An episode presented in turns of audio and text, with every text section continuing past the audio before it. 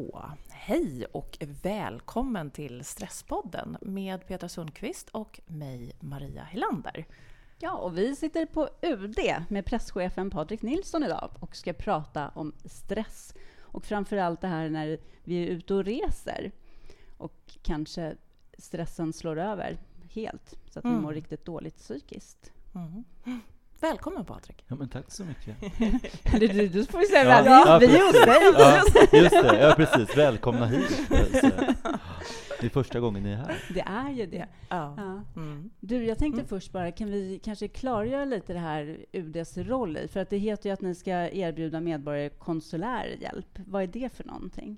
Ja, och då pratar vi om alla medborgare, de som bor i Sverige. Ja. Och även de som faktiskt är bosatta utomlands. Men det finns lite avgränsningar där. Mm. Men, och då handlar det också om att, för att göra det enkelt, vi ska ju stötta dem om man råkar ut någonting, för, för någonting på resan.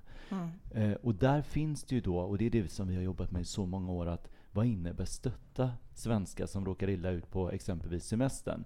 Det innebär kanske inte, som vi har fått förklara ett antal gånger, att betala ut dem från hotellnoter eller restaurangnoter som har gått för långt och så vidare. Utan det finns faktiskt då ett regelverk för vad vi har skyldighet att göra. Mm. Och eh, tro mig när jag säger att det har funnits behov av att prata om detta många gånger och klargöra vad kan vi göra och vad ska vi inte göra. Mm. Så berätta för oss. Mm. Ja, precis. Vet ni själv, ni, ni kanske, har, har, ni råkat ut för någonting någon gång? Nej, Nej. faktiskt inte. Men, ja, eh, jag blev sjuk i Västafrika en gång. Men, eh, och då fick jag, men det var, det var, minns jag inte om att jag hade kontakt med UD, utan det var, det var det försäkring, som ja, SOS-försäkring, ja. som och kom det, in. Det är ju det som är grunden egentligen. Alltså, är det så att man har en försäkring i grunden, oavsett vad som sker egentligen, så är det inte säkert att vi blir inblandade överhuvudtaget. Så att det är väl lite det som vi brukar förklara, att helst så ska man ju inte blanda in oss, tänkte jag säga, eller åtminstone mm om man är oklar över någonting kan man ju ringa oss före någonting händer. För min erfarenhet, med tanke på att jag själv har jobbat med de här frågorna i så många år, det har ju varit att det är så många saker som svenskar råkar ut för som skulle kunna undvikits med så enkla medel. Och det kan bli så, jag har sett sådana extrema kostnader för personer bara för att de har missat de mest grundläggande små delarna. Eh, och så ser man att vad, vad synd att det blev så här. Vad mm. synd att vi behövde bli inblandade. Därför att det är den absolut, en, av, en av de absolut största missuppfattningarna, det är ju att vi kan betala för människor. Vi gör ju inte det faktiskt. Och skulle vi då göra det, vill säga att, att du skulle råka ut för någonting och inte hade möjligheten själv, och vi skulle gå in med vad vi kallar för konsulärt konsulär hjälp, konsulärt ekonomiskt lån kan vi säga, då är det just ett lån. Du ska ändå betala tillbaka det till oss. Mm. Så att där kan jag själv känna, när man har en sjukhusräkning i vissa länder som inte har gratis sjukvård på 50 till 100 000 kronor. Mm. En vanlig hemförsäkring eller en reseförsäkring, det hade löst det här åt dig. Så snälla, kontrollera det. Mm. Det, var, det, var, mm. det var ofta jag kände mm. så, för ja. man kände så med dem också. I alla fall för mig så skulle liksom en, en räkning på 100 000 ta rätt lång tid att betala tillbaka. Mm. Så, ja. Mm. Ja, en bra försäkring med andra ord. Är, grunden. Ja, i ja grunden. precis. Men idag är det ju ändå en bra reseförsäkring automatiskt i hemförsäkring hos många bolag också. Så att det, men om det, man inte är borta mer än 45 dagar. Men du har kollat upp lite det där med försäkringar, Petra? Ja, men framförallt så kollar jag med, med eh, psykisk ohälsa, för att det är ju inte så himla påtagligt vad det är. Så det kollade jag lite, vad som, vad som gäller. Om vi nu ska börja med, med försäkringsbiten, men nu kom ja. du ju mm. liksom in på det. Mm. Och eh, då, då säger de ju att eh, det räcker ju inte med att din läkare har sagt så här, men du är, du är frisk, du kan åka till Spanien. För att om någonting skulle hända där, om du till exempel är utbränd och sen så kanske du går in i en svår depression eller någonting under din resa, så är det så att kanske har du varit sjukskriven eller någonting, då kommer inte försäkringen att gälla, troligtvis. Mm. Utan det som man alltid måste göra, det är att kontakta försäkringsbolaget så att deras läkare får göra en bedömning utifrån just ditt tillstånd om försäkringen gäller eller inte. Och då spelar det ingen roll. Har den läkaren sagt så här, men det är okej, så här, du är lite deprimerad och sånt och sjukskriven, men det är inte så stor risk. Då är ju allting grönt. Mm. Men utan den, så då kan man ju råka jätteilla ut, även om man tror själv att man har en reseförsäkring. Ja, både vad gäller de som har psykisk och en tidigare känd sjukdomsbild. Ja, det är inte alls säkert att försäkringsbolaget tar det Nej, då. Precis. Och, och, och, många kanske tror att hemförsäkringen täcker det, men det vågar jag nog nästan påstå att det gör den ju oftast inte då, utan då måste man ha tilläggsförsäkring. Mm.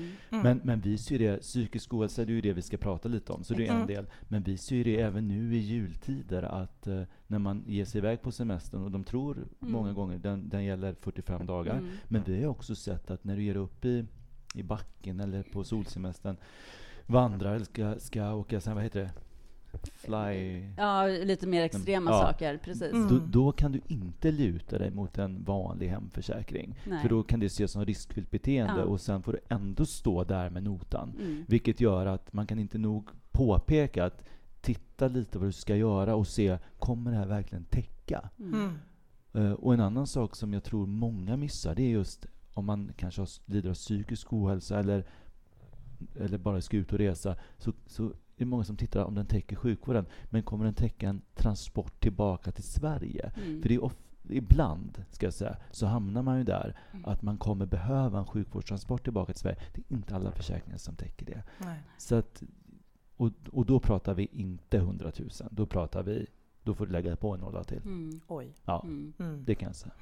Mm. Mm, mm. Så det är, det är ja. viktigt att kolla upp alltså. Ja, ja och mm. precis. Och verkligen kolla upp och titta inte bara på ditt försäkringsbrev, utan kontakta försäkringsbolaget och säg precis mm. vart du ska, mm. vad du ska göra och din hälsa. Nej, men jag är urusel på att läsa de här försäkringsbreven. Och det, för det är, är så, alla. Ja, det är och de är, det är så mycket och det är så liten text, tänkte jag säga. Ja, och sen så, jag menar, risken att eh, vi missar någonting är i alla fall väldigt stor, så finns det kanske någon liten klausul. Så att jag menar, ha liksom torrt om fötterna och ring. Ja. Och så att du får exakt dina förutsättningar för försäkringen ska gälla. Verkligen. Jag, jag tänker många är ju att man stressar som ett litet skållat troll hemma och sen så ger man sig ut på den här efterlängtade semestern. Och när man väl är, ligger på stranden så helt plötsligt så kommer att man får massor med stresssymptom. Alltså, varför, eller behöver jag, ska jag kontakta UD på något sätt? Eller vad, vad jag menar, konsultation, vad, Ja. Ja, nej, men jag tror att du, du sätter fingret lite på det, vare sig det gäller att det är stressrelaterat eller att du faktiskt har en diagnos av mm. psykisk ohälsa. Det kan ju vara mm, så. Ja. Mm. Och det, det, är olika saker. Sen kan du väl kanske få en diagnos som, där orsaken har varit stress, Absolut. såklart. Eh, och det funkar oftast väldigt bra medan man är hemma. Mm. Man medicinerar, man, om, om det är nu det man gör. Mm. Man har sina van, liksom rutiner, invanda rutiner. Och så reser man iväg. Och jag, jag tror inte att man tänker på hur, hur blir det i förlängningen där. Eh, jag tror inte ens man tänker på kanske vad kommer det finnas för sjukvård om jag skulle behöva det, beroende på hur det ska åka i världen.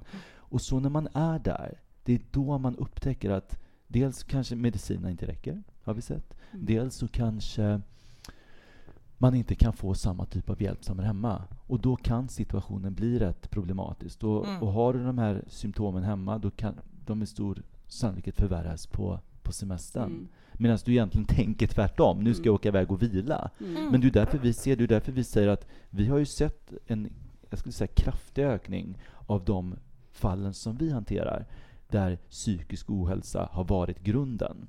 Det är ju den, den information som ambassaden och vår konsulära enhet ger.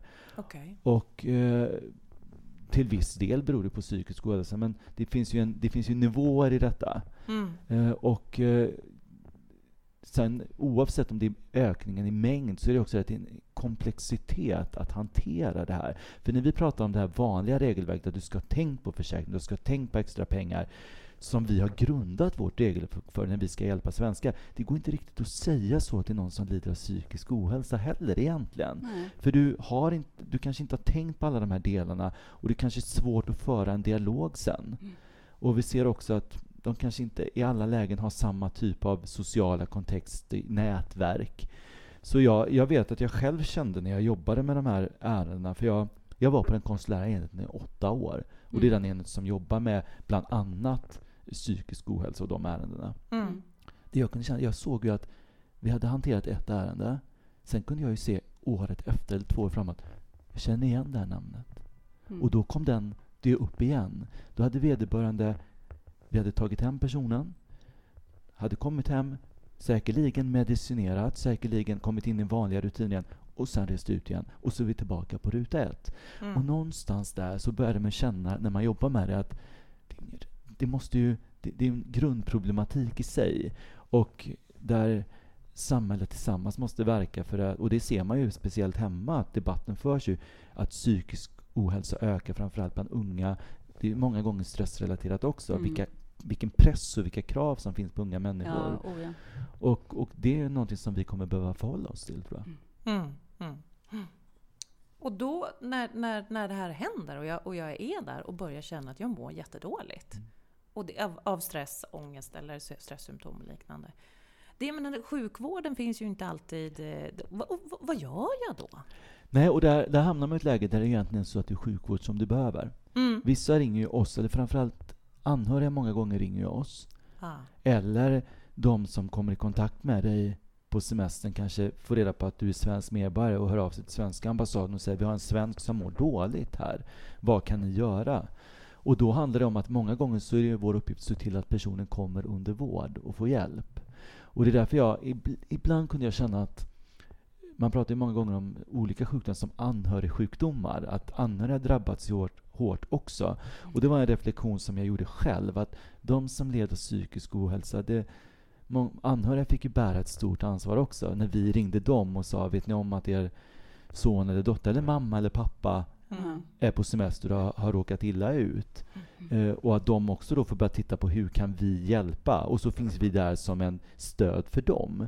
Men, men det är klart att det sliter på mm. anhöriga att behöva ta det här ansvaret. Mm. Även om vi ska underlätta för dem så, så tror jag att många känner att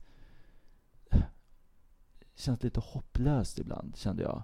Mm. Och det är svårt att veta hur man hjälper på bästa sätt. Mm. Så att för att svara på din konkreta fråga egentligen, vår roll blir ofta att se till att, att man får kontakt med en läkare. Och ja. sen diskutera, hur gör man nu? Ska man så säga, repatriera personen tillbaka till Sverige? Hur, hur gör man det på ett, på ett bra sätt? Kan personen flyga tillbaka själv? Kan det, måste, det kanske är så att en anhörig måste åka med, eller i värsta fall att det måste vara medicinskt kunnig personal för att det är så illa. Och det har jag sett ärenden där vi, där vi måste göra det. Och då, då pratar vi om rätt mycket pengar. Mm. Mm. Verkligen. Mm. Så, så, man landar ju ofta i vad kan man förbereda för mm. att man inte ska hamna i den här situationen. Mm. För en annan faktor är att vi har sett att den här gruppen rätt ofta har rätt små ekonomiska marginaler själva. Vilket gör att det blir ytterligare en problematiserande del. Mm, mm. mm. Och då tänker du på den här gruppen, då tänker du på ungdomar som är ute och studerar ja. eller exempelvis att man backpackar eller Både ungdomar som reser lite utifrån att man backpackar alternativt att man då pratar om psykisk ohälsa och att man i grunden har en diagnos vilket gör att man kanske inte har de mest starkaste grunderna när det gäller ekonomin mm. eller sociala nätverk. Mm. Och då, då då blir vi en än viktigare part många gånger. Mm. Mm. Ja, just det. Det förstår jag. Mm. Ja, nej, jag menar, ifall man mår psykiskt dåligt så det är många som har varit sjukskrivna längre tider och sånt också. Så det... Just det. Mm. Och där är också, om man var sjukskriven en längre tid för, för stress eller vad det nu må mm. vara, då det är klart att semestern ska ju vara kanske det som är, det här är vad jag behöver. Och så hamnar man i en situation som är än värre. Och, och det, då är vår fråga, hur når vi den här gruppen med vad kan du göra för att du inte ska hamna i situationen? Och mitt, mitt råd är ju liksom egentligen inte, res inte, det kan jag inte säga. Mm, för jag förstår ju syftet med det. Men, men där kan man i alla fall, så som vi pratade om i början, vara var införstådd medan man är hemma. Om det nu skulle hända någonting på resan, vad, vad kan jag ha gjort själv i förväg? Du sa det själv med försäkringsdelen. Mm. Vad kommer UD kunna hjälpa mig med och vad kommer de inte kunna hjälpa mig med? Uh, och så har man åtminstone en grund kring det. Mm. Och sen så tycker jag faktiskt att känner man av att man reser iväg för att man är i grunden stressad eller man vet om att man har en sjukdomshistorik, prata med anhöriga i förväg och prata om vilken typ av försäkring man har. Eh, berätta var man ska åka, hur länge man ska vara där och gärna kanske ha den här kontakten under resan. Därför att ofta så blir det ju så att man stänger av totalt när man mm. reser iväg. Och det är väl syftet lite. Mm. Att man ja. vill koppla bort. Precis. Mm. Bort från vardagen och stress. Bort från vardagen ja. och stressen. Ja, just det. Men jag, jag funderar, Svenska kyrkan finns ju oftast på, på många olika platser ute. Och, och där finns det väl också möjlighet. Liksom. Men har, har UD någon, eh, någon kontakt så med Svenska kyrkan och samarbete i de Ja, ja alltså de, de gör ett fantastiskt arbete mm. på många ställen i världen där vi har liksom inget egentligen skulle jag säga så här, formaliserat arbete, att de gör det här och vi gör det här, utan de finns där som en kraft vid behov. Och då har vi många gånger en dialog om hur kan de hjälpa oss och vad kan vi göra för att underlätta? Och så kan vi tillsammans hjälpa personer. Och det handlar många gånger om mjuka värden, att vara den som lyssnar, vara den som har tiden att vara med på sjukhuset kanske. Och det är en balans mellan vad vi gör och vad de kan hjälpa till med. Sen får man komma ihåg att vi har ju vårt uppdrag som myndighet. Mm. Det, kan, det, ska inte kyrkan behöva gå in och, och avlasta, det är vår skyldighet att hjälpa till. Men sen finns det ju andra delar som Svenska kyrkan kanske är bättre än vad vi är, skulle jag säga. Lyssna. Mm. Ha tid mm. att bara sitta och lyssna. Mm. För ibland tror jag att man kanske inte, det beror på hur allvarligt det är, men i vissa fall kanske det räcker med någon som hör och förstår och kan råda. Mm. Och det gör vi jättegärna också. Men jag, jag tror nog att mm. Svenska kyrkan och andra, du vet, det finns ju organisationen Svea och det finns flera organisationer, ideella många gånger, mm. som gör ett jättefint jobb i samarbete med oss. Och de, mm. Mm. Ja. ja men det är väl så med, med frivilliga organisationer överallt. De är väl så här, samhällsbärare som faktiskt är helt ovärderliga. Det, skulle ja, det inte tror jag många skulle säga här hemma också. Ja, men att, absolut. Eh, det, så är det ju verkligen överallt. Det är som en parallell med vården kontra mm. de stödfunktioner som finns på telefon. Jag vet ju, jag har haft goda vänner som har ringt de här, man kan ringa stödfunktioner på telefon och bara få prata. Mm. Det är också ideellt arbete i många lägen. Så mm. Som kan vara jättevärdefullt. Ja. Mm. Men jag mm. tänker en annan grupp som ni också nämner är ju att det är många unga som åker utomlands för att studera och sånt. Och eh, om vi ser på hur ungdomar mår här i Sverige så är den psykiska ohälsan har ju stigit något otroligt. Så det är klart att det blir en större grupp utomlands också. Men vad ska de tänka på? Vad har de, har de liksom samma skyldigheter kring försäkringar och sånt? För det är ändå längre tid de är borta. Och möter ni många av dem? Ja, och jag vågar mig på att säga att den yngre målgruppen vad gäller den här grunden som vi pratar om sticker ut. Att det, det är många som är yngre som eh, lider av det här. Och ja, det är samma regelverk. Men sen pratar vi om, är du under 18 så kan det finnas andra delar där som avgör hur vi kan agera. För är du inte myndig så kan det hända att då har föräldrarna ett stort ansvar, ett större ansvar skulle jag säga. Och i vissa fall så kanske vi också måste koppla ihop oss med sociala myndigheter för att kunna hjälpa till på bästa sätt. Eh, många gånger så måste vi också ha en när det gäller yngre människor, en kontakt kanske med, med läka, vårdande läkare. Vi har många gånger, eh, oavsett om det handlar om yngre eller äldre, behovet av att, vet vi om att det finns en tidigare känd sjukdomsbild, så har vi som ambition att koppla ihop läkaren i Sverige med den läkaren på plats, så att de kan få prata om hur hjälper vi personen på bästa sätt. Sen måste de göra det inom ramen av sekretessen såklart, mm, men det, mm. det, det, brukar de kunna göra sinsemellan mm. för att hjälpa den person som det handlar om. Och jag tror inte att det är någon, någon skillnad egentligen med tanke på att vi ser att unga i Sverige är en grupp där psykisk ohälsa har blivit allt värre. Det är ju, sam, det är ju samma sak på resan också egentligen. Så att eh, jag tror att hela samhället har, och det är ett svårt uppdrag, att hur kommer man till rätta och hur arbetar man på rätt sätt med stressrelaterade sjukdomar med tanke på de kraven som finns överallt. Det känner man ju själv. Du det är ju mm. krav från alla olika håll. Mm. Och som ung idag, jag vet inte, jag, usch, jag, är inte så, jag är inte så gammal, men jag är, jag är i alla fall så pass att jag känner att jag är nog glad att sociala medier inte fanns när jag var mm. liten, mm. faktiskt. Mm. Mm. Därför det ökar på stressen och skapar en press hos många Ja, men jag, var, jag, var, jag kommer ihåg när jag det var, jag blev bjuden till rätt mycket fester faktiskt, det blev jag. Men det var en fest jag fick reda på att de hade, där jag inte var bjuden.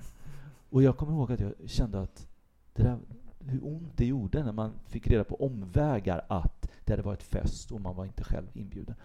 Och idag så måste ju det hända konsekvent hela mm. tiden, att man ser på Facebook hur fantastiskt kul alla andra har och du själv är exkluderad. Mm. Mm. Och jag, jag, jag kan ju själv må dåligt över det idag ibland. Mm. När jag sitter hemma med en panpizza och, och äter och man ser hur folk lägger upp fantastiska trerätters måltider på fredagskvällarna. Och, och, och, faktiskt, nu har jag ju kommit ifrån att jag kan säga ja, ja, okej. Okay. Nu mm. kanske man alla... Ja. ja. det är rätt skönt hemma med ja. en ja, ja, man kan känna det liksom. Nu, nu gjorde jag reklam, men jag sa inte var den kom ifrån. Nej, det gjorde Nej. jag faktiskt inte. Så att då, då liksom, så, det är ju faktiskt ja, bara en sort. Ja, det är nu jag Ja. Det är nu jag. Man kan äta olika sorter av pizza. Alla typer av pizza. Precis. Utmärkt. Ja. Ja, Men så är. Men eh, jag tänker ju bara i det jobb som du har ändå som presschef. Men nu sitter vi här och pratar och, och småmyser här i det här rummet, men snart så ska du iväg och prata om eh, Jemen och katastrofen där. Mm. Alltså, du har ju verkligen ett berg och dalbanejobb. Mm. Hur gör du själv för att hantera din stress? För den måste ju vara stor, bara på jobbet liksom. Nej, men jag, det kan jag väl säga. Jag har aldrig haft ett så roligt arbete på UD som jag har haft sedan jag blev presschef. Mm. Men jag har aldrig haft, heller haft ett så utmanande arbete som jag har nu. Det, det, må- det kan jag ärligt talat säga. Så jag, det första jag gör tror jag, det är att jag tänker ofta på stressen. Eh, jag tänker på den någon gång varje dag. Och jag tänker på den på det sättet som att jag känner efter att nu är jag lite stressad. Och då agerar jag på det. Jag gör faktiskt det. För jag vill inte låta mig gå upp i varv, utan jag tänker ofta på att så som det är nu, så här kommer det vara för mig i min arbetssituation under stora delar av, av vardagen. Och jag måste se det som min vardag. Jag kan, även om organisationen många gånger går igång på 110, vilket är bra, så kan man inte låta kroppen gå igång. Utan det här är normalläge. Och var fokuserad. Nu sitter vi här, jättetrevligt. Eh, och sen tar man nästa steg när det kommer. Mm. Och så försöka hålla den eh, tanken. Mm. Men sen är jag, sen det får, jag nog, får man smickra sig själv lite. Ja, det får man i, Ja, den, i den här Ja. podden. Nej, för jag, jag gillar ju att ha mycket, jag, har- om ni visste hur mitt liv såg ut Mm. utanför mitt jobb här så Mm. skulle ni fråga igen hur hanterar man stressen? För jag Okej. gör otroligt mycket mer. Mm. Men eh, jag är jätteduktig på att känna när jag behöver sätta stopp. Och jag är duktig på att känna att nej men nu ikväll så vill jag bara sitta hemma och äta min mm, pizza. Och eh, liksom själv. Ja. Eller nu vill jag sätta mig och ta ett gott glas vin med någon vän på en restaurang. Då prioriterar jag in det stenhårt. Och sen har jag en grej på helgen. Några Mm. timmar, antingen lördag eller söndag, då jag kallar det för min så här skrottid. Då jag får sitta hemma och titta på vad jag vill eller äta frukost länge med mina vänner. Eh, men inte någon telefon, ingen du vet så, utan inse att det är ingen som dör av att få vänta lite på, på återkoppling, faktiskt. Helt kravlöst. Ja, Mm. och den tiden, den, ibland får man ju rucka på det där såklart i det här jobbet. Då gör jag det, men jag tar den sen. Mm. Och jag tycker den är jätteskön. Mhm. Du får din återhämtning där. Ja. Mm.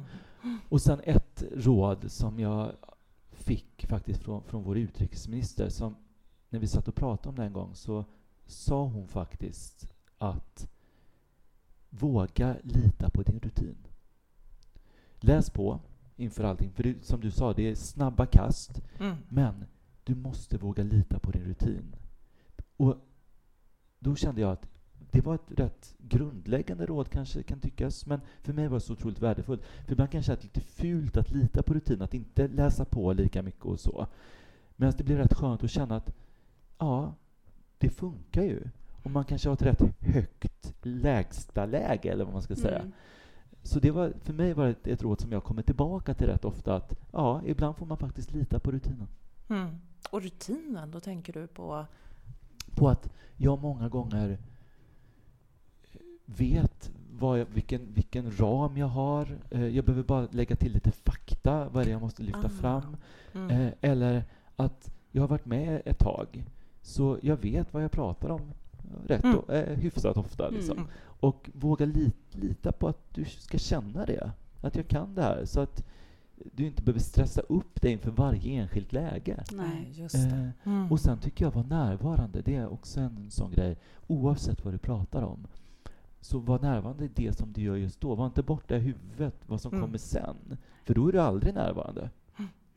Så, men sen får ni fråga mina kollegor. Kan ni fråga så här. Mina kollegor i min grupp som är fantastiska, de, de är ju de som kan säga Mm. är jag stressad eller är jag... Det är min egen bild. Mm, mm, mm, Du ger ett intryck av att vara rätt lugn faktiskt, måste Ja. jag ändå säga. Mm, Men mm. det, det är väl viktigt det där, som du säger, att kunna liksom vara, nu, nu är jag här, jag kan ju, du kan ju inte göra någonting åt Jemen just nu när du sitter här, för du har ändå bestämt att du ska sitta här en Ja, stund nu, absolut. till exempel.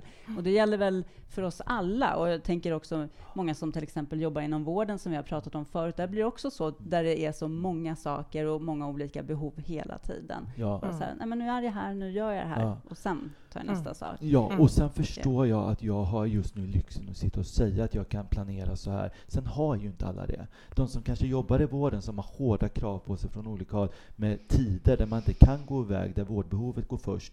Man, kanske inte, man känner kanske att man inte har kontrollen över situationen då. Då tror jag att då är det nästan hemskt att sitta och säga så som jag säger, för att de är ju en helt annan stressnivå. Jag har ju möjligheten här nu att okej, okay, det här får vänta, nu har vi det här, medan vissa kanske inte har det. Och då tror jag att stressen blir liksom ohanterbar när man mm. känner att det är yttre omständigheter som gör att du kan inte själv styra längre. Nej. Då tror jag att det är jättejobbigt i stressläge. Mm. Absolut, mm. det håller jag helt mm. med dig om. Mm. Men samtidigt så tror jag ändå att med, vi kan ju aldrig vara på två ställen samtidigt. Nej. Det, är så här, det är helt mm. omöjligt. Så att det bästa vi ändå kan göra, hur mycket krav och press vi än har, det är att var där du är just nu ja. och, och var där och gör det klart. Och försöka tänka på det. Ja, att uh, jag kan inte dela på mig Nej. i tanke, utan jag måste vara här nu och närvarande. Mm. För jag försöker vara på flera ställen, då tar ju ändå allting, det blir dåligt. Ja, det, blir dåligt. det, det, blir fel. Och eh, alltså, ja, ingenting funkar helt enkelt. Och vi mm. bara är jättestressade istället utan att få någonting gjort. Det är ju där vi hamnar när vi mm. håller på. Jag tror att det tar jättemycket kraft ja. mentalt om man känner sig så splittrad. Så mm. man får väl göra det man kan för att, för att påminna sig själv om att... Och sen brukar jag också tänka att man måste ju ofta tänka på det. Man, man ska hålla ihop. Det är ingen annan som alltid skyddar ens rygg. Man måste göra det själv, mm. tror jag. Och det är bara du själv som kan reagera på din kropps signaler rätt tidigt. Mm. Och jag har också känt signaler ibland att nu... Och då måste man ju någonstans bromsa sig själv. Mm. Mm. mm. Just det. Precis, det är mm. jätteviktigt. Så, men det kan ju ni, jag behöver inte sitta och föreläsa. Nej, men nu har vi massa lyssnare och vi behöver alla bli påminna om det hela tiden. Jag menar, ja. Vi är väl alla där mer eller mindre mm. och tassar liksom lite utanför vad vi egentligen borde vara vad det gäller ja. stress ibland. För mm. ibland är det så i livet. Ja, och alla måste hitta sin, sin grej. Mm. Ett tag så hade jag en powerwalk en gång per dag. Det var mm. min del. Nu är det för kallt. Ja. så blir det rött vin. Nej, Nej, men det är olika. Ja.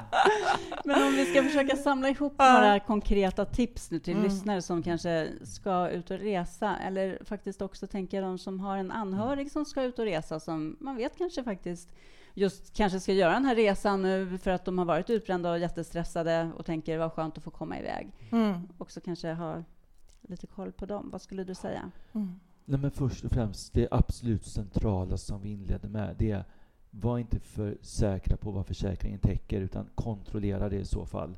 Speciellt om man har en tidigare sjukdomsbild, oavsett om det handlar om eh, psykisk ohälsa eller annan sjukdom. Mm. Och nummer två, titta på vad, vad ska man någonstans? Ska man utanför EU exempelvis? Eh, EU, inom EU är det relativt okej okay med tanke på att du har det blå kortet och du kan få akutvården. Mm. Men ska du utanför EU, vilken sjukvård finns? Och mm. vad finns för hjälp att tillgå om någonting skulle ske? Mm. Och också se till att prata med anhöriga så att man, om man lider av psykisk ohälsa framför allt, medan man är här innan man åker, så att dels kanske den personen vet vad du har för försäkringsgrund. Titta på, har man extra ekonomiska marginaler om det skulle vara så att resan blir längre än man tror av olika anledningar? Eh, och sen faktiskt också, vi finns ju här om man vill prata hellre med oss innan än när det har hänt. Ring oss hellre först och fråga om resemålet kanske. Vi har ju fantastiska möjligheter att titta på Sweden abroad. Det är vår hemsida där man kan välja vilket land man ska resa till och läsa på om sjukvården i landet, läsa på om eh, kulturen, om hälsan och så vidare. Mm. Och så har vi en app som heter UD Resklar, där den informationen finns också. Så UD Resklar heter Resklar. den appen. Mm. Och då tycker jag att läs på det som finns åtminstone. Och tycker man att det inte är tillräckligt, ja då finns vi här för ett samtal också. Mm. Och ambassaderna mm. finns också. Mm. mm. Just det. Just det. Jättebra tips. Jättebra och, tips. Och sen så ja. tycker jag vi slänger in dit också, så här, lägg in skrottid. Ja, ja. lägg in skrottid. Ja, precis.